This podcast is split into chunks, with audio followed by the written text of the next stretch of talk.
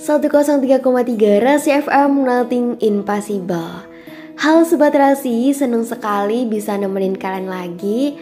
Akhirnya Hesta bisa buat podcast lagi. Dan akhirnya Hesta bisa nemenin overthinkingnya kalian nih Sobat Rasi. Gak gak bercanda bercanda.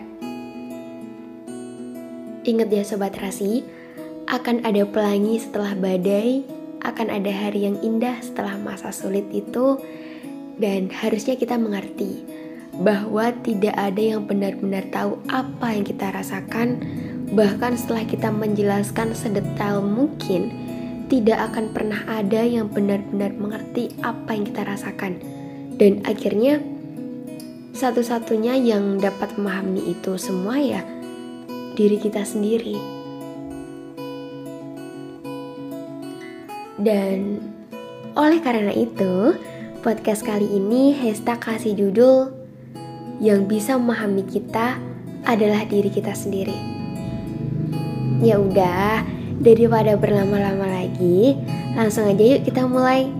Bertemu lagi sama aku di podcast Rasi FM UTM. Oh iya Sobat Rasi, aku mau nanya nih, kalian apa kabar? Semoga selalu dalam keadaan baik-baik aja ya. Amin. Sebenarnya aku mau cerita sebentar sih sobat Rasi. Kenapa aku mau ngangkat podcast yang berjudul ini? Sebenarnya ada temanku yang terlihat paling kokoh di antara teman-temanku yang lain terutama aku. Dan ternyata sobat Rasi, teman aku yang aku sebut dia paling kokoh, dia paling ceria, justru dia adalah sosok yang butuh perlindungan, butuh teman cerita. Waktu itu aku dan dia ada di sebuah acara dan waktu malam itu ada salah satu anak yang memutar musik. Dan itu ada beberapa musik itu sobat rasi. Dan ada salah satu yang menurut dia mungkin dalam banget gitu ya dan ternyata Sobat Rasi, dia langsung meluk aku dan berkata bahwa dia udah gak kuat lagi. Dan di situ aku teringat. Sebelumnya, aku juga pernah di fase ini.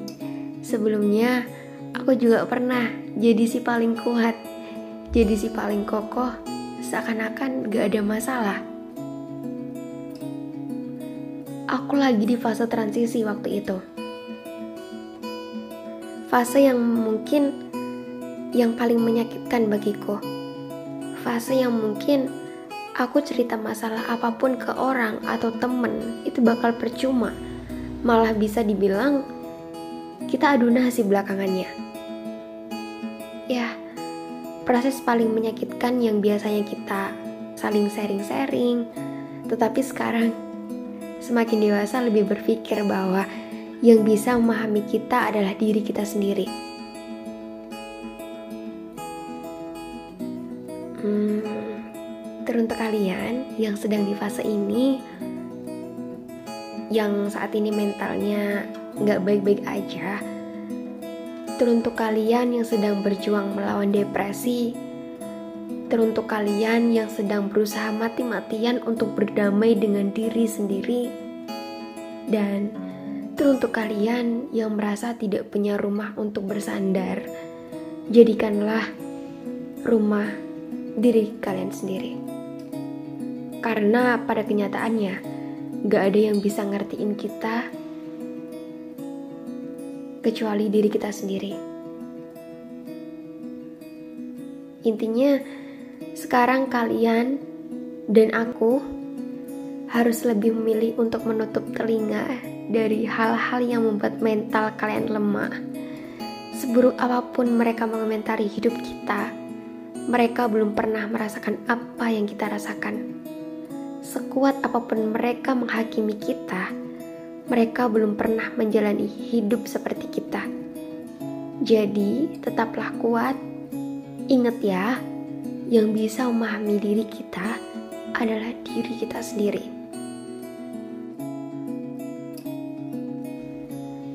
Yuk sekarang peluk diri kalian sendiri, tutup mata kalian, dan dengerin kata-kataku kali ini aja.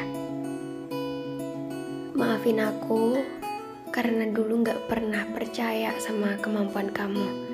Maafin aku karena dulu sering nyalain kamu ya. Maafin aku yang sering nyakitin kamu. Maafin aku karena gak ngebolehin kamu nangis, maksa kamu buat selalu terlihat bahagia di mata orang lain. Mulai sekarang, aku mulai hargai kamu ya. Terima kasih udah mau bertahan sampai detik ini. Dan terima kasih untuk cerita yang pernah datang dan pergi. Untuk waktu yang pernah terlewati, untuk luka dan bahagia yang pernah ada, untuk rasa takut dan trauma yang akan terus ada. Karena kalian, aku sadar bahwa aku hanya memiliki diri sendiri kapan pun dan di mana pun. Udah, sekarang buka mata kalian. Sekarang berdamai dengan diri kita sendiri merupakan salah satu fase yang paling baik. Gimana? Ada yang pernah di fase yang sama kayak aku dan temen aku? Semangat ya! Makasih udah dengerin podcast aku kali ini. Sampai bertemu di podcast selanjutnya.